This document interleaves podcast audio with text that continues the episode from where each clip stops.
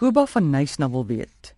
Hoe maak ek wanneer my kinders van die buiteland by my kuier en ons gaan dan saam inkopies doen? Nou loop ons bekendes raak in die straat wat ek nou ken in die dorp. Hulle wil 'n vinnige geselsie aanknoop. A, behoort my kinders by my te staan tot die persoon klaar gesels het? B, stap hulle bloot net aan en haal ek hulle later in of groet hulle beleefd sonder dat ek hulle voorstel en stap dan aan?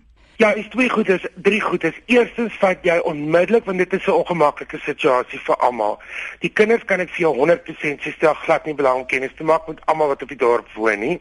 Veral nie soos wat sy sê die skoondogter praat nie die taal nie. So ja.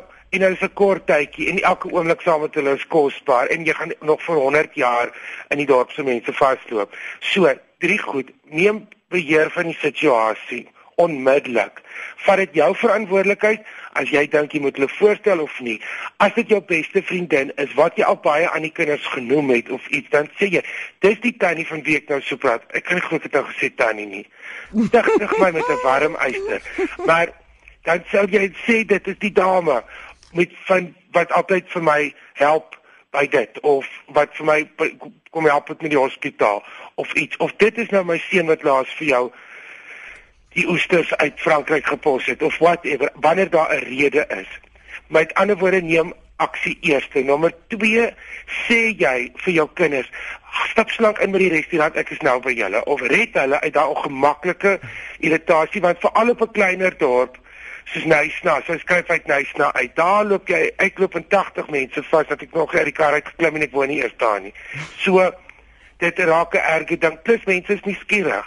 En dan sê jy ook vir die persoon, hoorie my kinders is nog net 2 dae hierso. Ek praat met jou, bel jou vanmiddag. Ek sien jou môre, ek sien jou whatever. Red dit aan albei kante. Want die een lot is geïrriteerd en die ander lot is nuuskierig. En jy hoef nie jou praatjies aan te knoop mense wat respek het en wat jou ken sal ook weet dat jou kinders by jou kuier, dat dit jou kosbare tyd is en dat jy nie nou lus is vir ons nie. So letterlik sê vir die kinders gaan in of daai winkel is baie mooi daai vrou se hippie sy maak selfie serpe of whatever daar's nog 'n asbak wat sê nice nou gaan koop hom maar sê vir die kinders ek kry vir julle nou stap so lank aan na om die hoek is 'n plek met fudge. En dan sê jy vir die vrou gaan dit? Ek hoor jou voete sal weer seer maar ek moet hardloop ek bring later vir jouself.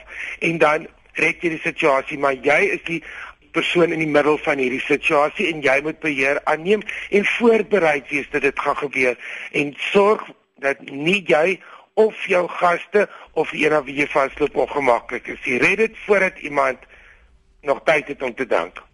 Nathaniel help. My vrou het vriende wat net eenvoudig by ons opdaag sonder kennisgewing. Hulle bly so 450 km ver en dit gebeur elke vakansie en lang naweek. Hulle vat oor. Die ma en dogter is albei ewe hartlywig, luidrigtig. Luidrigtig. Ek weet nie wat hier is die ergste nie.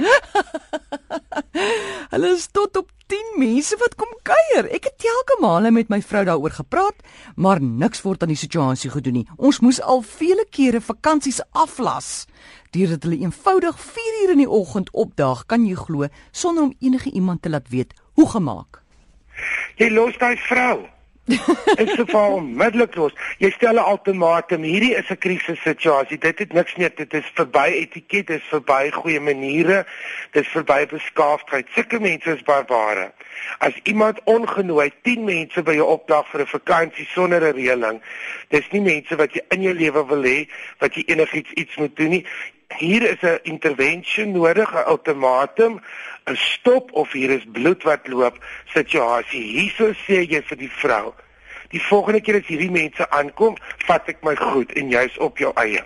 Of jy kontak hierdie mense en jy sê ongelukkig nie of volgende keer maak jy nie die deur oop nie of jy sê ons is jammer, ons kan julle maar hierso gaan jy die slagoffer word En obviously is is dit nou nog niks aan gedoen nie want ons is bang vir 'n ongemaklike situasie.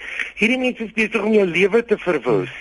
Wat is belangriker as jou jou gemoedstoestand en jou geluk en jou hart en jou heiligdom van jou eie plek?